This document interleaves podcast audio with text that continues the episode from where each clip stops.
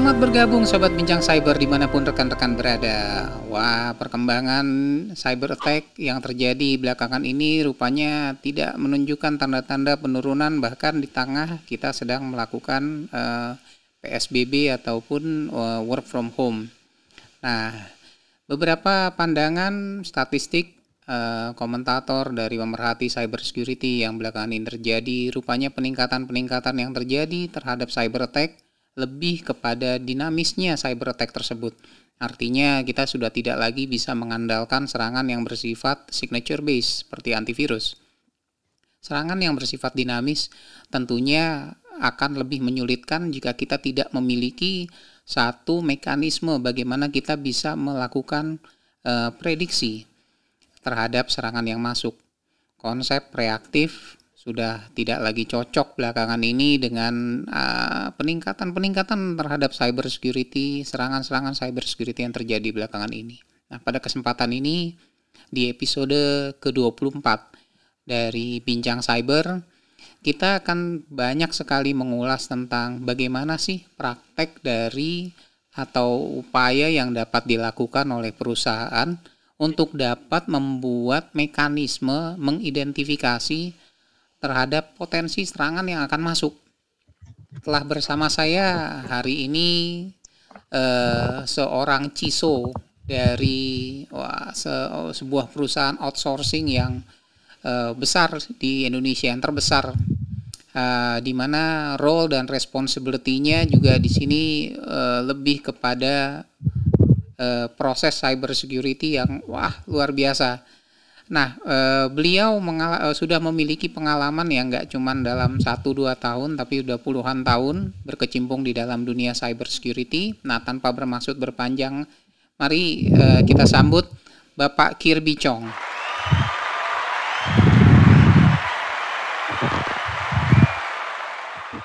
Halo Pak Kirby, apa kabar? Halo Pak Faisal, kabar baik Pak. Kabar baik. Wah, terima kasih sudah menyempatkan waktu berbagi di dalam episode ke-24 di Bincang Cyber kali ini.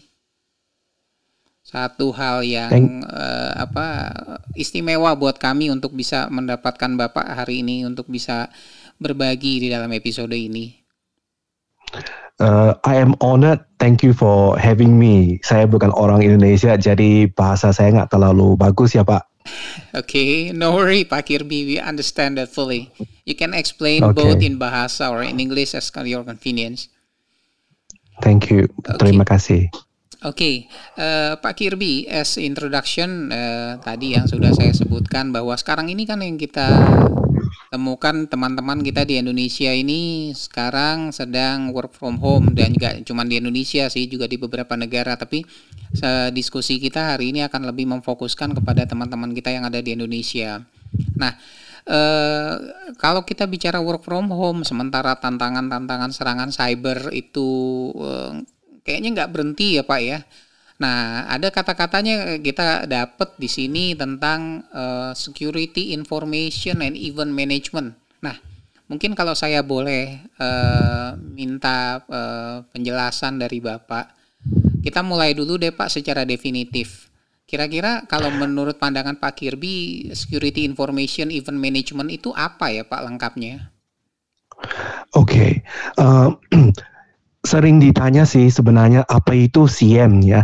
Uh, mungkin bagi orang yang sudah lama bekerja di bidang IT, sudah tidak asing lagi dengan istilah CM atau kepanjangannya adalah Security Information and Event Management.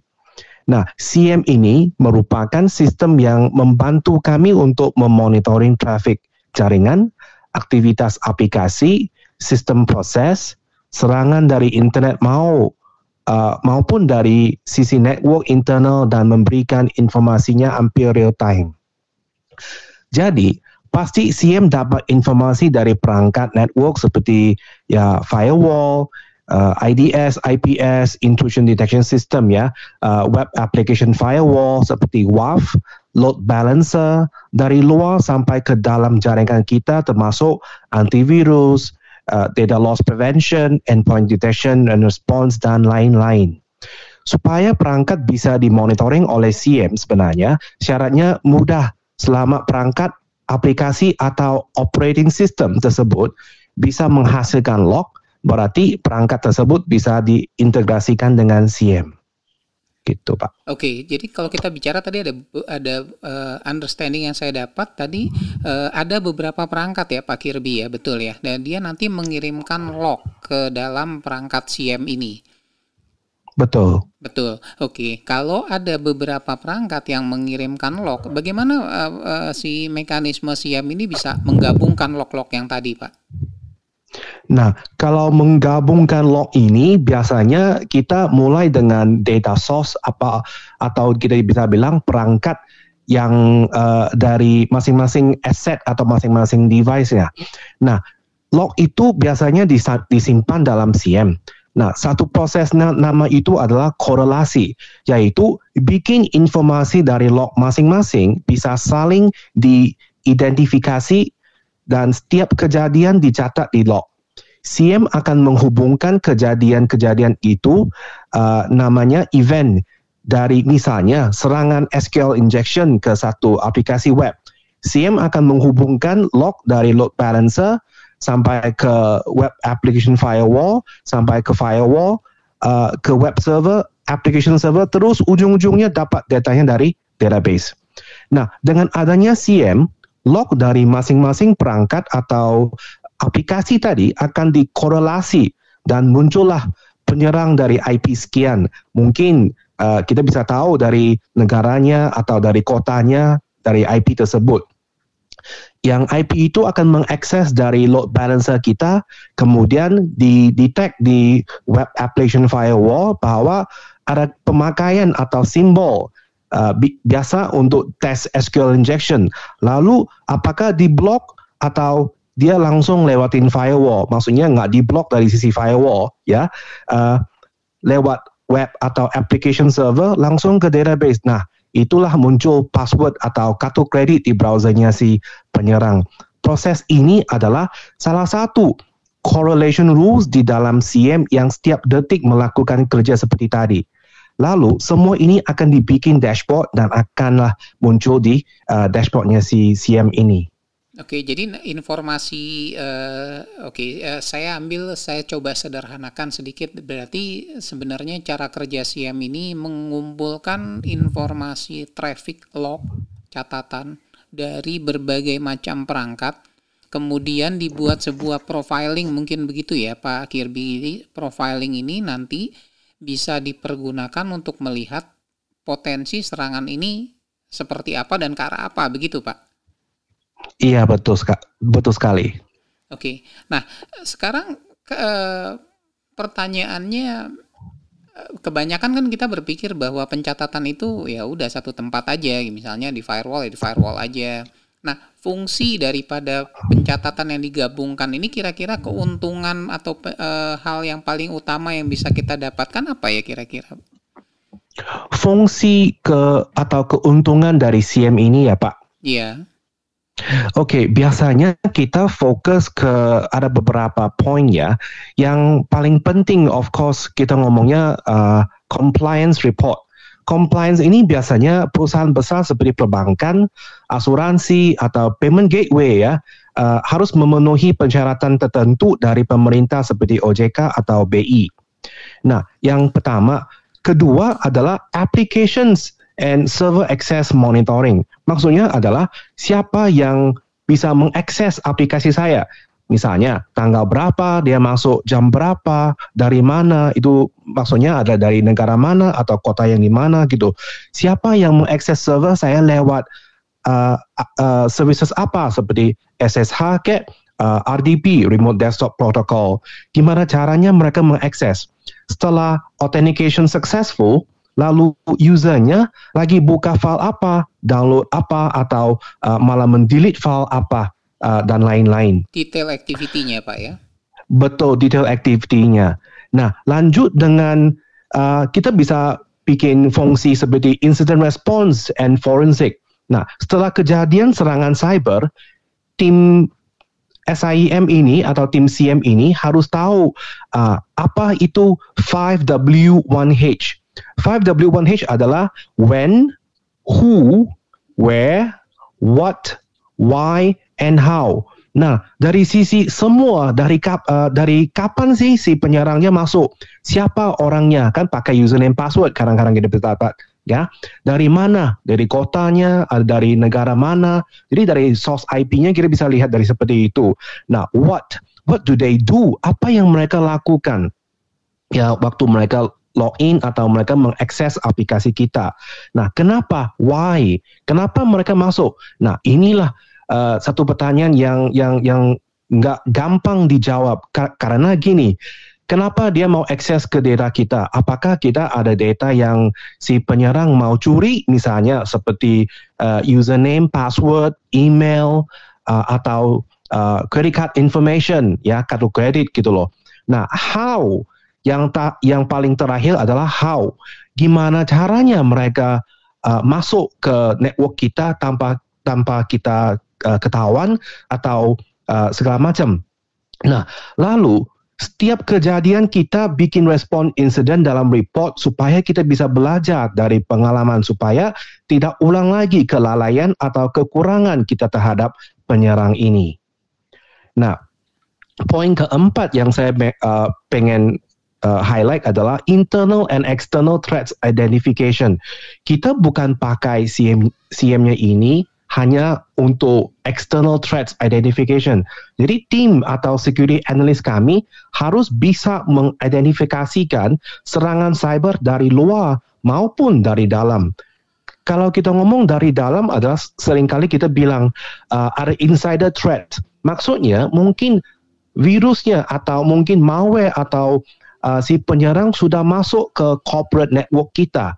Jadi, kalau mereka sudah masuk ke corporate network kita, biasanya firewall, load balancer itu yang biasa jaga dari luar itu sudah tidak berfungsi lagi karena mereka fokusnya ke external threats. Tapi kalau internal threats, gimana caranya kita bisa mengidentify threats itu? Nah, lanjut dengan poin kelima single pane of glass for all cyber threats correlated. Nah, dari pada puluhan aplikasi atau perangkat yang kita monitoring dengan adanya CM dan log akan di forward ke CM, kita cuma butuh satu aplikasi yang dashboard udah mencakupi serangan dari berbagai perangkat atau aplikasi dan kita bisa lihat penyerang udah lewatin berbagai aplikasi kita dengan serangan jaringan atau keren, uh, kerentanan aplikasi atau application vulnerabilities ya. Daripada kita cek satu persatu apakah aplikasi atau firewall kita sudah dilewatin. Nah ini kita bisa lihat dari satu uh, dashboard yang yang cukup uh, kompleks gitu loh. Poin keenam adalah integration of threat intelligence with predictive capabilities. Maksudnya ini adalah dengan adanya ancaman intelijen ya yang ke, yang kemampuannya prediksi kita bisa liatin IP source dari internet itu bisa ketahuan apakah IP tersebut sudah dianggap sebagai CNC ya command and control spam bot phishing ataupun situs scanning dan lain-lain.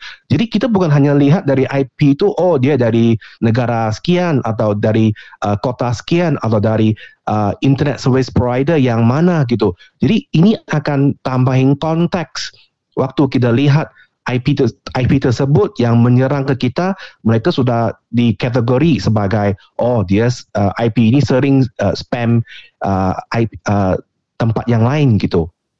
Jadi ini adalah benefit yang kita pakai CM Pak. Nah, ini berarti dashboard secara keseluruhan. Tadi ya terakhir uh, eh, IP reputation ya Pak ya. Jadi mungkin kalau IP-nya sering uh, melakukan aktivitas yang malicious, kemudian dia langsung dianggap bad gitu reputation.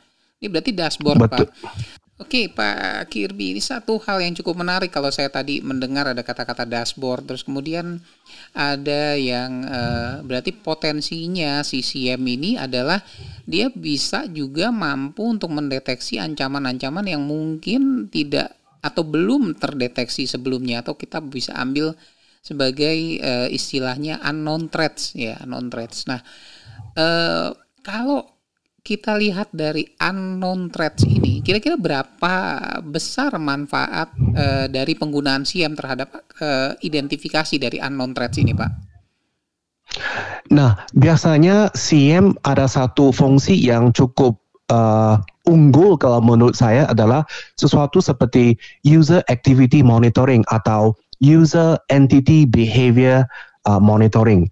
Nah, dengan konsep ini atau dengan uh, fungsi kayak gini, ya UEBA ini, CM ini bisa mendetek misalnya kalau user ini biasa dia login ke kantor mungkin jam 9 pagi sampai jam 5 dia akan uh, log out.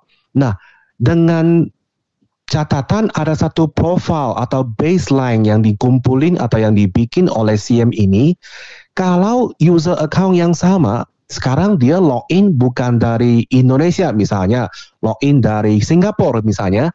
Nah, tapi login dengan waktu jam 12 malam sampai jam 4 pagi. Nah, dengan konsep ini, ini kan looks like legitimate traffic. Jadi traffic ini orangnya login, username passwordnya benar. Oke, okay? tapi yang anehnya adalah IP itu yang dia login tuh dari negara yang lain. Kalau dibanding dengan profile atau baseline yang sebelumnya, biasanya orang ini login di Jakarta misalnya. Nah, tapi dia nggak pernah login jam 12 malam sampai uh, jam 4 pagi. Nah, ini akan jadi anomaly. Nah, ini biasanya akan dipakai oleh security analyst kita untuk take deeper action. Maksudnya mereka akan cross check sama usernya, oke, okay? cross check sama supervisor atau atasannya dia, apakah user ini udah login kemarin jang, uh, dalam uh, tanggal sekian, jam sekian, uh, segala macam. Jadi ini adalah salah satu fungsi yang menurut saya kita nggak kita nggak fokus hanya ke ada brute force attack yang atau mau malware attack segala macam yang kita biasanya based on signature. Sekarang ini lebih fokus ke user behavior. Gitu. Jadi kalau kita iya betul juga Pak, ini sebagai satu hal yang cukup penting juga ya karena dikala kita sekarang bekerja dari rumah, mungkin akses kita akan lebih fleksibel dari dari batasan waktunya yang tadinya mungkin hanya berkumpul e, artinya sejumlah akses itu tadinya hanya berada pada kuadran antara jam 9 hingga jam 5 sore misalnya. Tapi dengan adanya work from home ini akan semakin lebih dinamis sekali ya Pak ya dan itulah mungkin kita butuh satu pencatatan yang eh, me, yang apa, menyeluruh ya. Tapi sampai sedalam apa si CM tadi bisa mendata aktivitas yang dilakukan oleh eh, legitimate user? Sampai sejauh mana itu Pak Kirby? Uh, terhadap SIEM ini bisa mendata?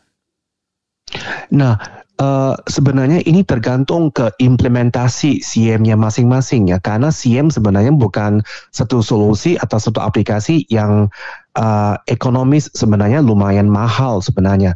Nah, kalau kita mau lebih mendalam, maksudnya adalah kita harus dapat banyak log dari sampai ke endpoint. Maksudnya gitu, selain daripada biasa kita collect logs dari firewall, dari IDS atau antivirus atau maupun mungkin endpoint detection and response EDR. Nah, kita juga harus ada log dari operating system masing-masing. Misalnya, laptop saya adalah Macintosh atau uh, Apple Mac ya, atau laptop saya pakai Windows. Jadi Windows log atau Macintosh atau Apple Mac punya log harus juga di forward langsung ke CM. Kenapa kita mau log seperti itu? Nah, misalnya kalau kita install, misalnya kita install satu uh, aplikasi, tapi kita nggak tahu aplikasi itu ternyata ada satu trojan, tapi trojan ini tidak di tidak kedetek oleh antivirus atau DLP atau EDR masing-masing. Nah, gimana caranya? Misalnya kalau saya uh, lagi akses satu file dari dari kantor server ya, copy ke laptop saya. Nah, ternyata saya gantiin file ini atau saya delete file ini. File ini adalah salah satu file yang penting banget mungkin misalnya sales uh, uh, sales projection kita. Nah, setelah itu server uh, file dari server itu bisa bisa bisa jadi saya hilangin file itu atau saya delete file itu. Nah, dengan catatan kayak gitu kalau ada malware, kalau ada proses yang si uh, uh, penyerang ini lakuin, kita bisa lihat di sisi proses apa yang di delete atau apa proses apa yang sudah di uh, di dibikin yang baru dari aplikasi yang lain atau dari user yang lain.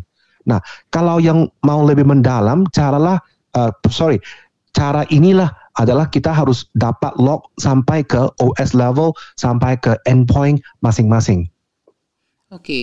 uh, berarti di sini inter, uh, kelengkapan informasi yang diberikan oleh CCM akan sangat tergantung pada ketersediaan log yang dikirimkan dari perangkat-perangkat lain. Begitu ya Pak Kirby ya? Betul, betul.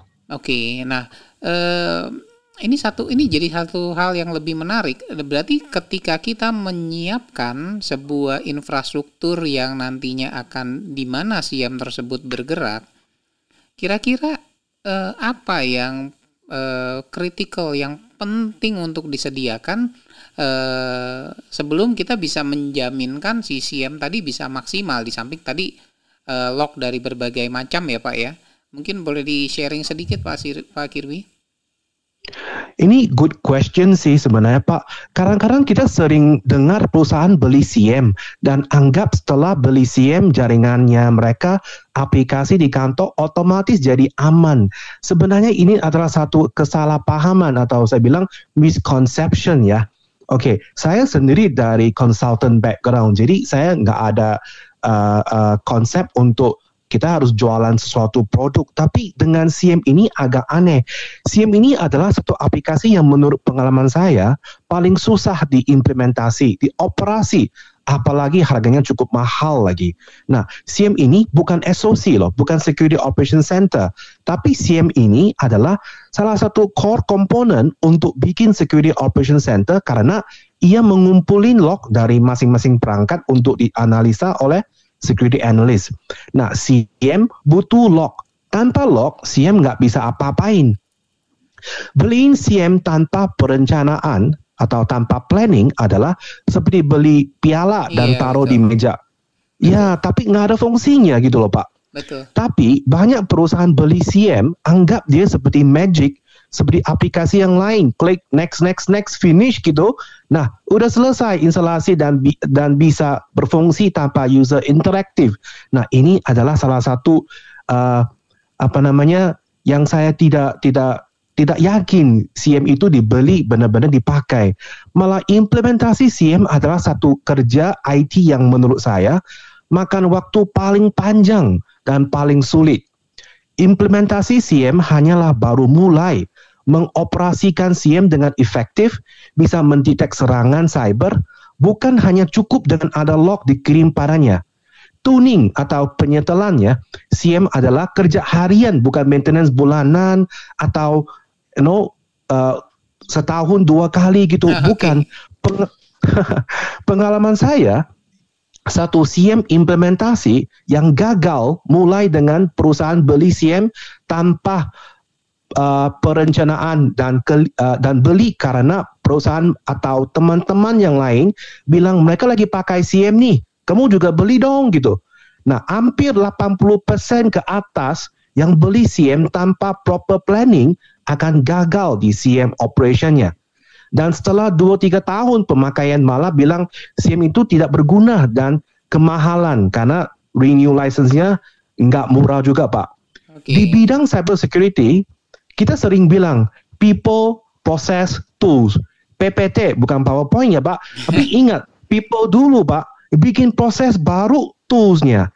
Tapi sayangnya kebanyakan teman-teman memilih tools tanpa iya. pikirin apakah ada tim IT di kantor mampu mengoperasi CM ini dengan efisiensi atau hanya lihat dashboard aja dengan alert yang ratusan setiap hari bikin kerja malah lebih banyak dan capek tapi bukan lebih efektif seperti vendor CM yang bilang gitu Pak. Oke, ini uh, berarti sebenarnya kalau saya tangkap tadi uh, perencanaan yang paling penting di awal Pak sebelum CM tadi diakuisisi ya Pak Kirby.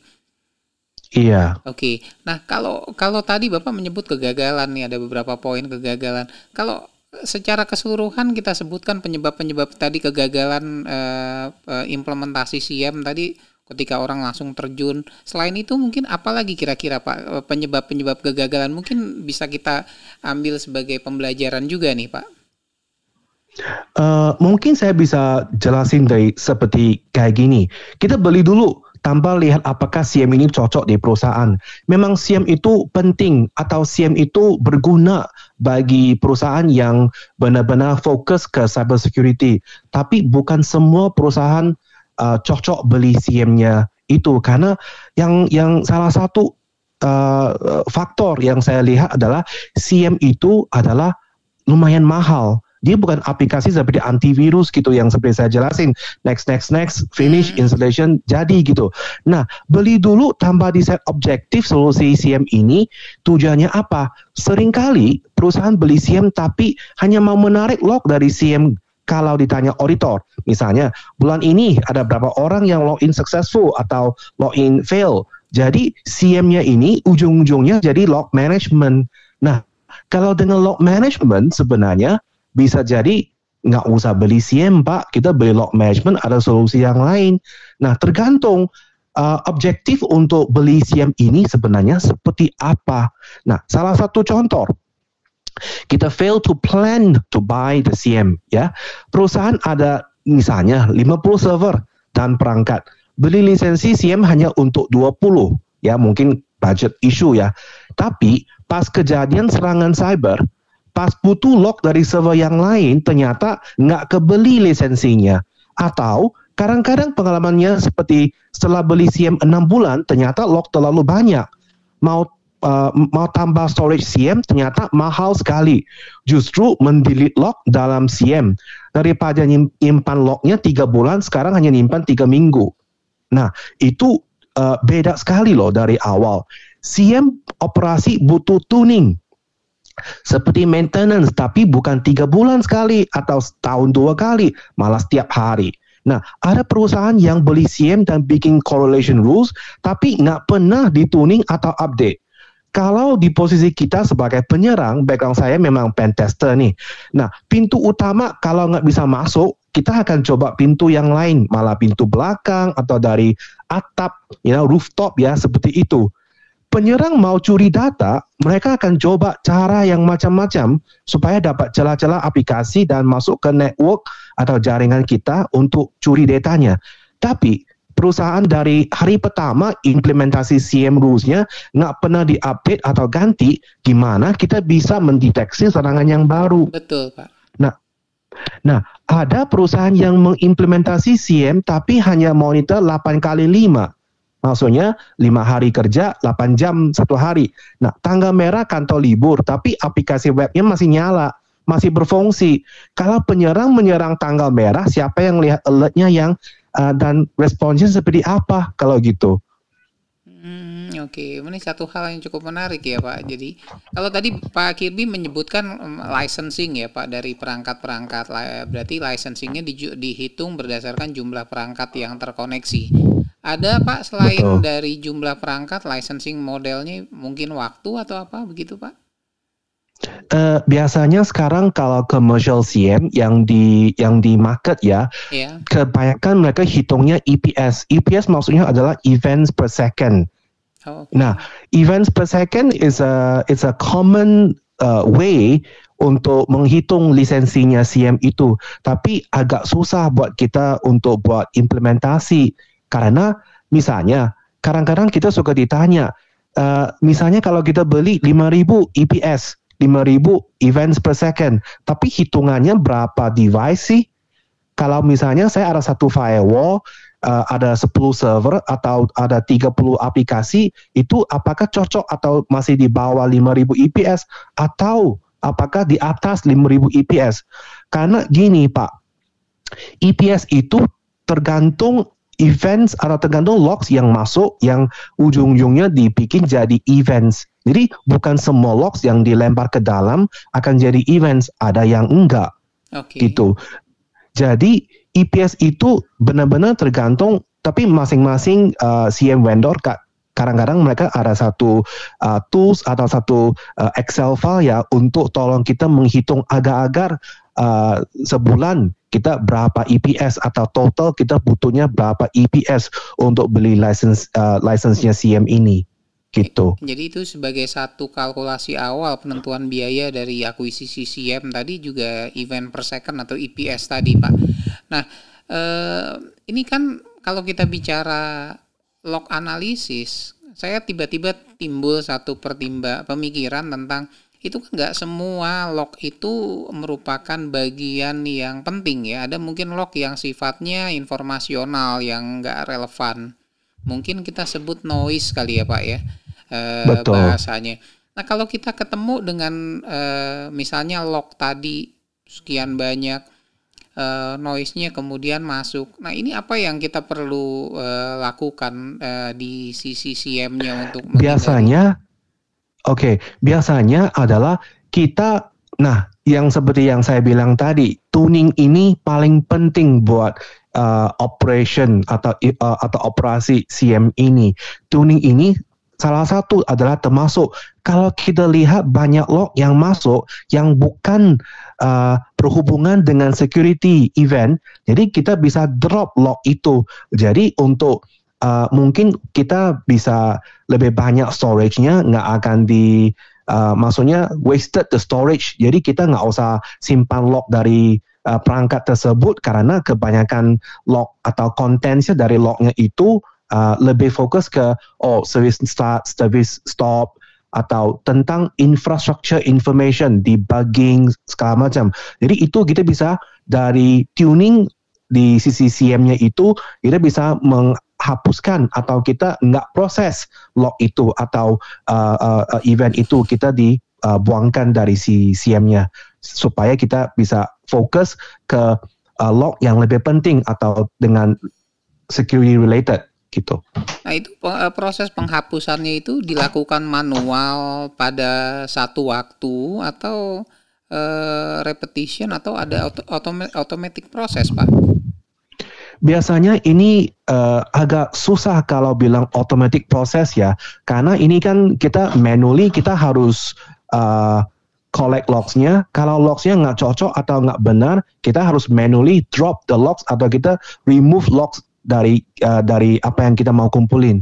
Jadi uh, agak manual, bisa jadi uh, per hari atau at least per minggu kita harus lihat tuningnya di sini atau kita harus lihat si CM-nya performance apakah bagus atau enggak gitu Pak. Oke. Nah, uh, wah ini lumayan banyak nih Pak. Kita udah dapat dapat feedback. Tapi ada beberapa masih ada saya masih ada sedikit lagi pertanyaan. Ini kalau tadi Pak Kirby kan mention terkait correlation ya. Kira-kira kalau kita beli CM itu correlation apa ya uh, rule ya atau mungkin correlation rule-nya itu kira-kira udah built-in atau uh, harus di custom lagi Pak untuk pengadaan uh, correlation rule-nya? Oke, okay.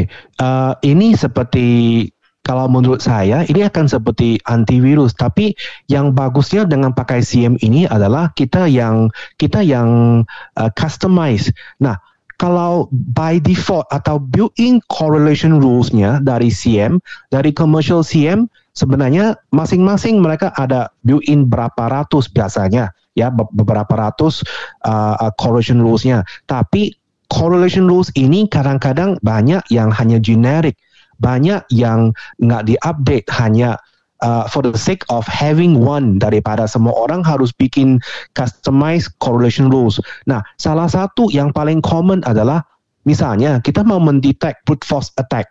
Nah, cara brute force attack adalah sebenarnya tergantung ke perusahaan masing-masing.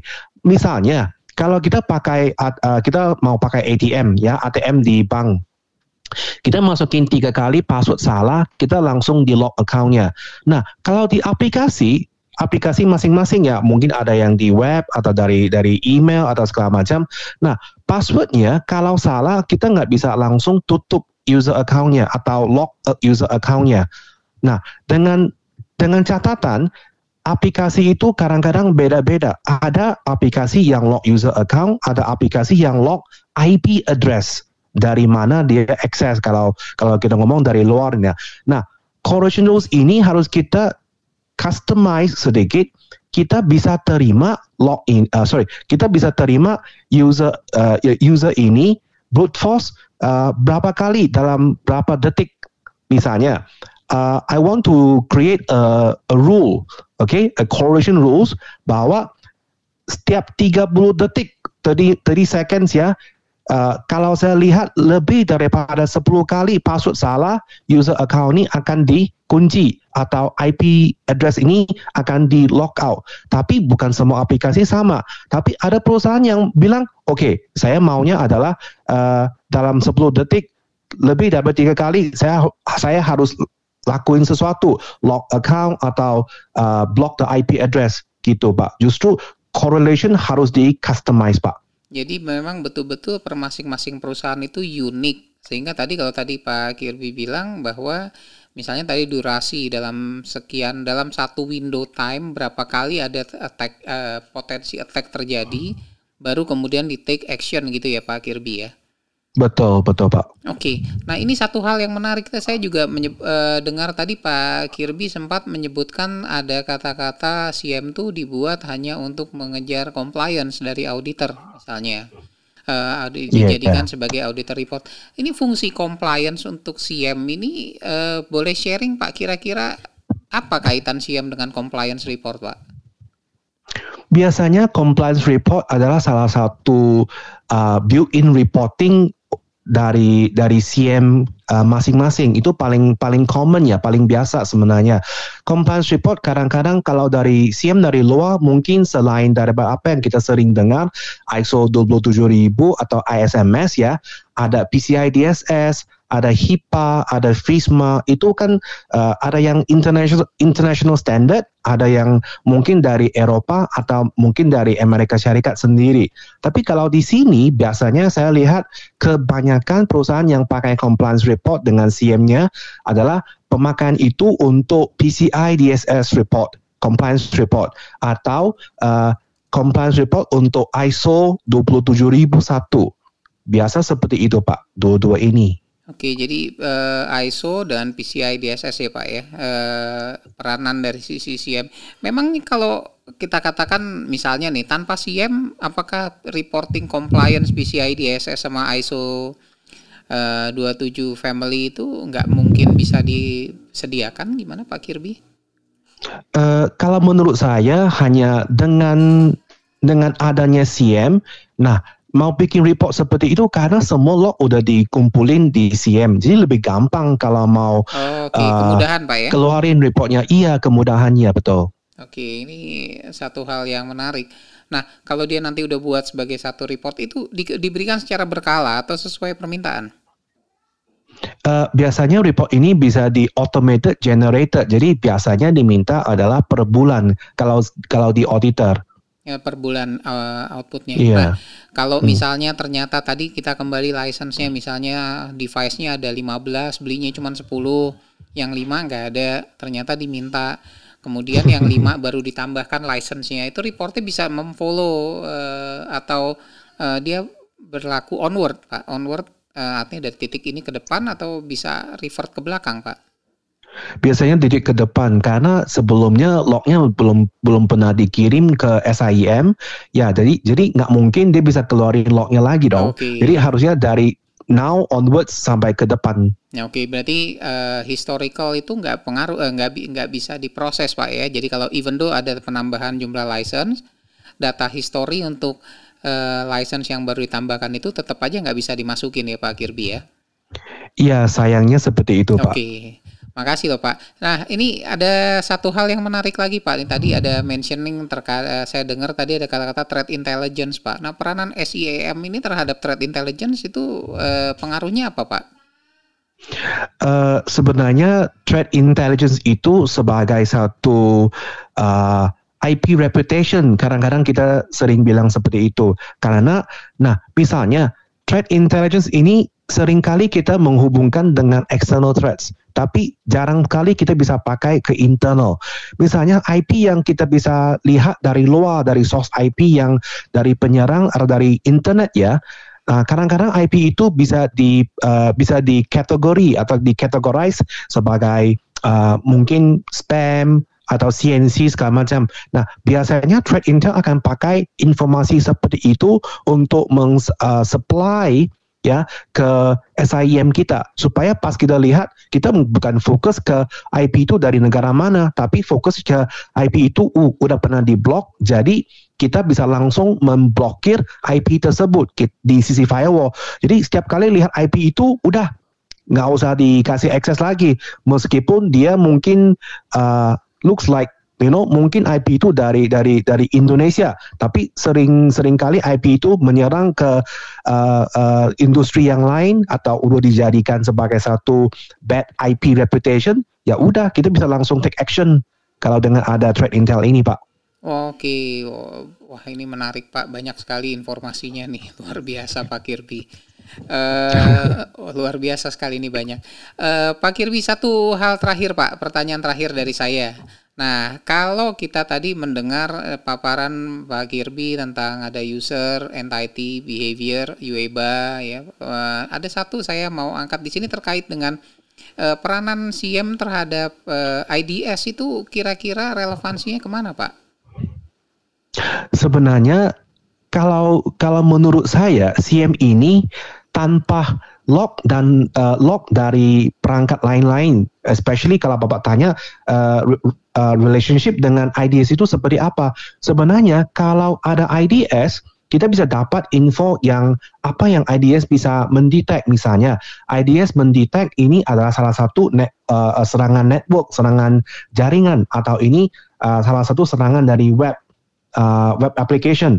Nah, log itu kalau nggak dikasih atau nggak di forward dari IDS ke CM, CM nggak bisa nggak bisa apa-apain, dia nggak bisa mendetek apa-apapun karena CM adalah untuk ngumpulin lognya, and then dapat log dulu baru dia bisa menganalisa dengan secara otomatis atau secara you know, uh, a big volume karena lognya terlalu banyak. Kalau orang biasanya nggak mungkin bisa selesai gitu loh. Betul, kalau, kalau manual nggak bisa selesai lah, maksudnya intinya gitu ya Pak Kirby. Iya betul Pak. Wah ini luar biasa Pak, ini membuka wawasan baru kita terhadap uh, istilah dari SIEM tadi sendiri. Nah Pak sebelum saya closing, barangkali Bapak uh, bisa kasih saran kepada perusahaan-perusahaan yang barangkali mereka uh, ya kalaupun mereka misalnya sudah memiliki SIEM atau juga bagi mereka yang baru habis dengar uh, paparan Bapak nih terinspirasi nih Pak mau beli mau menggunakan siam. Kira-kira saran buat mereka yang sudah punya dan yang belum punya itu apa Pak dari Pak Kirby? Uh, sorry Pak, I can you repeat the question okay, again? The question again uh, like this Pak. Uh, the advice for the user or the company that who's not uh, yet using CM and the company that are currently using CM jadi we have to uh, focus. Jadi ada yang belum pakai, sarannya the feedback atau advice you can give to them. Kemudian untuk orang mm -hmm. yang mm-hmm. udah pakai, yang belum pakai, uh, advice-nya apa? Yang sudah pakai, advice-nya apa? Oke. Okay. Uh, shall I answer now? Uh, boleh Pak, please. Oke. Okay. Uh, buat perusahaan yang belum ada CM, saran saya adalah jangan langsung beli karena uh, orang lain sudah beli. Jadi kita harus ada proper plan dulu.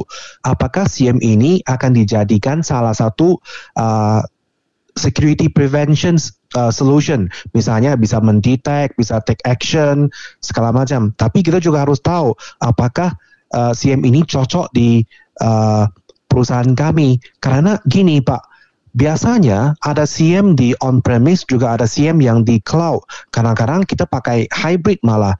Jadi kondisi seperti kita ada server di cloud, kita ada server di on-premise. Kadang-kadang ini akan jadi satu kendala karena kalau dari on-premise kita biasanya nggak hitung network traffic. Karena setiap hari, setiap perangkat kirim lognya ke CM itu kan bisa jadi gede volumenya. Nah, tapi kalau kamu kirim log dari cloud balikin ke data center, volume itu akan dijadikan satu cost karena kita okay. pakai cloud service provider. Nah, jadi harus benar-benar harus planning dong uh, dengan dengan uh, perusahaan yang belum ada CM. Nah, ka, satu lagi yang yang buat perusahaan yang butuh atau perlu uh, beli CM adalah apakah perusahaan sendiri bisa mengoperasi CM-nya itu. Karena CM operasi itu sebenarnya butuh spesialis, butuh orang yang benar-benar tahu apa yang dia bisa lakukan. Karena typically orang IT belum tentu mereka bisa menghandle CM. Ini benar-benar harus uh, kalau menurut saya harus benar-benar planning karena orang seperti ini uh, biasanya gaji mereka juga cukup tinggi ya. Jadi gampang kalau di uh, kalau di perusahaan yang lain kasih gaji yang lebih tinggi, ya kamu akan hilang orang yang penting untuk menjadi sebagai mungkin gitu, CM ad, ya di hijack betul seperti nanti CM admin saya hi hilang, CM-nya nggak bi nggak bisa di maintain atau analis saya juga nggak ada, kita nggak bisa operate gitu loh. Nah, buat yang perusahaan yang sudah ada CM Nah, kalau menurut saya sudah ada CM biasanya fokus mereka adalah pemakaian atau operasinya seperti apa. Jarang sekali mereka khawatir atau pikir tentang implementasi. Nah, dengan ini tetap aja buat saya poin pertama adalah kita plan lagi tahun depan CM-nya ini mau mau seperti apa karena udah beli nih, jadi kita nggak mungkin kita taruh di sebelah, kita nggak pakai lagi. Tapi kita planning lagi, tahun depan kita mau renew license-nya CM-nya ini, kita mau tambah atau kita mau remain as it is gitu loh. Nah, okay. kalau kita mau remain, uh, orang yang sekarang untuk menghandle CM ini, apakah dia cukup bagus skill setnya atau dia harus dikirim, uh, you know, untuk training, untuk dapat certification tentang produk ini atau tentang uh, understanding of CM operation. Jadi ini yang kita harus lihat karena udah beli, jadi uh, kewajiban untuk lanjutin ROI-nya uh, uh, si CM yang ini. Apakah kita mau lanjut, kita mau tambah? Kalau mau tambah li lisensi itu gampang ya, itu di sisi bisnis. Tapi orangnya kita cukup gak?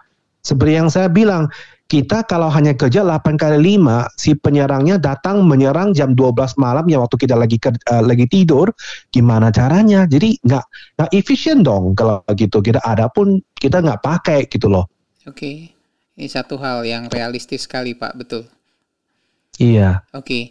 Wah, terima kasih Pak Kirby penjelasannya nih. Mungkin sebelum saya closing episode ini mungkin ada beberapa hal yang saya take note nih. Mungkin saya sharing ulang kepada pemirsa Bincang Cyber yang mudah-mudahan saya yakin mereka banyak kita termasuk saya setidaknya banyak sekali mendapat arahan dari Bapak nih terkait dengan penggunaan CM. Oke, uh, sobat bincang cyber, uh, menarik sekali diskusi kita pada episode ke-24 ini. Beberapa hal yang saya coba untuk take note dan mudah-mudahan uh, bisa juga bermanfaat untuk sobat sekalian. Yang pertama, hal yang menarik terkait siam ini adalah ketersediaan log yang dianalisa secara centralized kepada satu tempat dan mungkin pada akhirnya akan dilakukan proses korelasi hal ini sangat penting untuk uh, kita belakangan ini di mana landscape security sudah sedemikian berubah dari awalnya kita bersikap hanya kepada reaktif kepada serangan-serangan yang ada atau lagi berpatokan kepada signature sekarang lebih kepada dynamic atau predictive uh, security. Sangat uh, perubahan sangat amat cepat dari waktu ke waktu Kemudian eh, khususnya kala work from home atau aktivitas perusahaan karyawan aktivitas karyawan lebih banyak berada di luar kantor, maka peranan SIAM ini semakin dirasakan lebih penting khususnya dalam kaitan menganalisa terhadap user and entity behavior UEBA, user entity behavior analysis. Jadi behavior dari pengguna itu semakin kritikal dikala terjadi fleksibilitas jam kerja atau akses terhadap data yang berada di dalam perusahaan. Namun, implementasi SIAM tidak bisa serta-merta hanya dengan membeli, kemudian melakukan proses instalasi. Hal yang paling penting menurut penjabaran dari Pak Kirby baru saja bahwa kita diperlukan melakukan perencanaan dulu. Perencanaan dalam artian bahwa jumlah perangkat yang akan memberikan log kepada SIAM tadi untuk diproses korelasinya dalam hal penentuan jumlah license akan sangat penting e, mengacu kepada kondisi yang ada sekarang. Artinya jumlah perangkat yang ingin dihubungkan dengan SIEM adalah sesu, sejumlah daripada perangkat yang memang memerlukan akses. Jadi tidak membeli secara parsial sebab log yang akan diterima dari perangkat tersebut pada akhirnya akan bersifat onward. Historik tidak akan bisa diterapkan. Nah, fungsi SIEM eh, kenyataannya tadi beberapa sharing dari Pak Kirby menyebutkan bahwa SIEM tersebut pada dasarnya tidak hanya berfungsi untuk menarik lock, melainkan banyak fungsi-fungsi lainnya di sini ya fungsi korelasi dan kemudian ada compliance dan lain sebagainya. Nah, CM untuk menghasilkan sebuah output yang bagus sangat tergantung dengan human resources. Artinya tidak hanya perangkatnya saja yang di-upgrade, tapi juga kemampuan dari human resources yang mengoperasikan CM tersebut sehingga pada akhirnya, jika semua ini dilakukan dengan tahapan dan perencanaan yang baik, diharapkan perusahaan akan semakin besar memperoleh manfaat dari CM tadi. Demikian ya Pak Kirby ya. Betul ya Pak? Uh, Pak Kirby barangkali ada yang mau ditambahkan? Oh, tidak ada. Oke. Okay. Baik, main uh, Pak untuk Kirby, CM analyst ya Pak? Uh, sorry, boleh diulang sedikit Pak? Barangkali ada yang mau ditambahkan? Uh, apakah kita harus tambahin satu misalnya kalau ada orang yang uh, interested uh, to be a sim analyst? Oke. Okay. Mau gak uh, tambahin? Saya sekarang saya lihat kayaknya mungkin udah lebih daripada 30 menit sih. Oh no worry, kita. no worry, no worry, just just go ahead. Oke, okay. uh, mungkin saya mau sharing sedikit tentang gimana caranya kita bisa jadi SIM analyst. Jadi maksudnya adalah yang kita operate SIM-nya ini. Kalau kita lihat dari ada serangan, gimana cara kita, you know, uh, background kita sep, uh, putulnya seperti apa backgroundnya. Nah, yang pertama biasanya adalah pengalaman di bidang IT, terutama sistem administrator atau network administrator minimum 2 tahun ke atas. Nah, kedua ini strong passion, ada gairah yang kuat terhadap cyber security, mau belajar terus. Oke. Okay? Ketiga, siap kerja non-stop. Kalau mau kerja waktu tetap 8 kali 5, bidang ini nggak cocok. Oke. Okay. Oke. Okay? Penasaran yang ingin tahu atau pengen belajar, kenapa atau gimana caranya penyerang bisa masuk ke aplikasi atau jaringan kita? Cara apa yang harus dilakukan supaya serangan ini tidak terjadi di depannya? Oke. Okay? Nah, paling paling terakhir baru saya baru saya pengen sharing tentang kalau ada professional certification seperti misalnya uh, cyber security SA, security analyst plus dari uh, ini dari mana ya saya lupa. saya uh, uh, saya SA plus. Comtia. Uh, Comtia, yes, correct, correct, Comtia. And then ada dari EC Council, ECIH, ya, EC Council, uh, CHFI, okay. dan ujung-ujungnya CH juga is a good start gitu loh. Hmm. Gitu aja Pak. Oke, okay, luar biasa. Terima kasih Pak Kirby. Wah, kita Thank beruntung you. banget nih. Uh, Oke, okay, sebelum saya tutup, barangkali uh, ya kita bilang thank you banget Pak Kirby juga nih terima kasih peserta pendengar bincang cyber juga hari ini mendapatkan banyak sekali masukan. Any last word Pak? Uh, no, I'm good. Thank you. Oke, okay. oke. Okay. Dan uh, Sobat Bincang Cyber, kita sudah sampai di akhir episode ke-24 dari episode hari ini yang membahas tentang SEM. Uh, menarik sekali banyak arahan yang kita bisa dapatkan pada hari ini dari Pak Kirby. Tentunya jika sobat ada pertanyaan bisa dituliskan nanti di dalam uh, situs resmi bincangcyber.id. Uh, pertanyaan nanti akan saya sampaikan kepada Pak Kirby untuk di, dijawab. Kita bisa lanjutkan dalam uh, diskusi atau barangkali jika sobat tertarik untuk membahas hal lain uh, khususnya terkait dengan SIEM ini dan uh, ada saran boleh bisa disampaikan langsung. Baik, terima kasih untuk sobat pendengar Bincang Cyber eh, sudah mengikuti sampai dengan akhir episode eh, perkembangan eh, subscriber dari eh, podcast ini sedemikian berkembang dan untuk itu saya apresiasi eh, support dan dukungan sobat sekalian. Demikian saya Faisal Yahya sebagai host dan Pak Kirby Chong sebagai guest pada episode ke-24 ini undur diri dan terima kasih sampai bertemu pada episode-episode Bincang Cyber selanjutnya.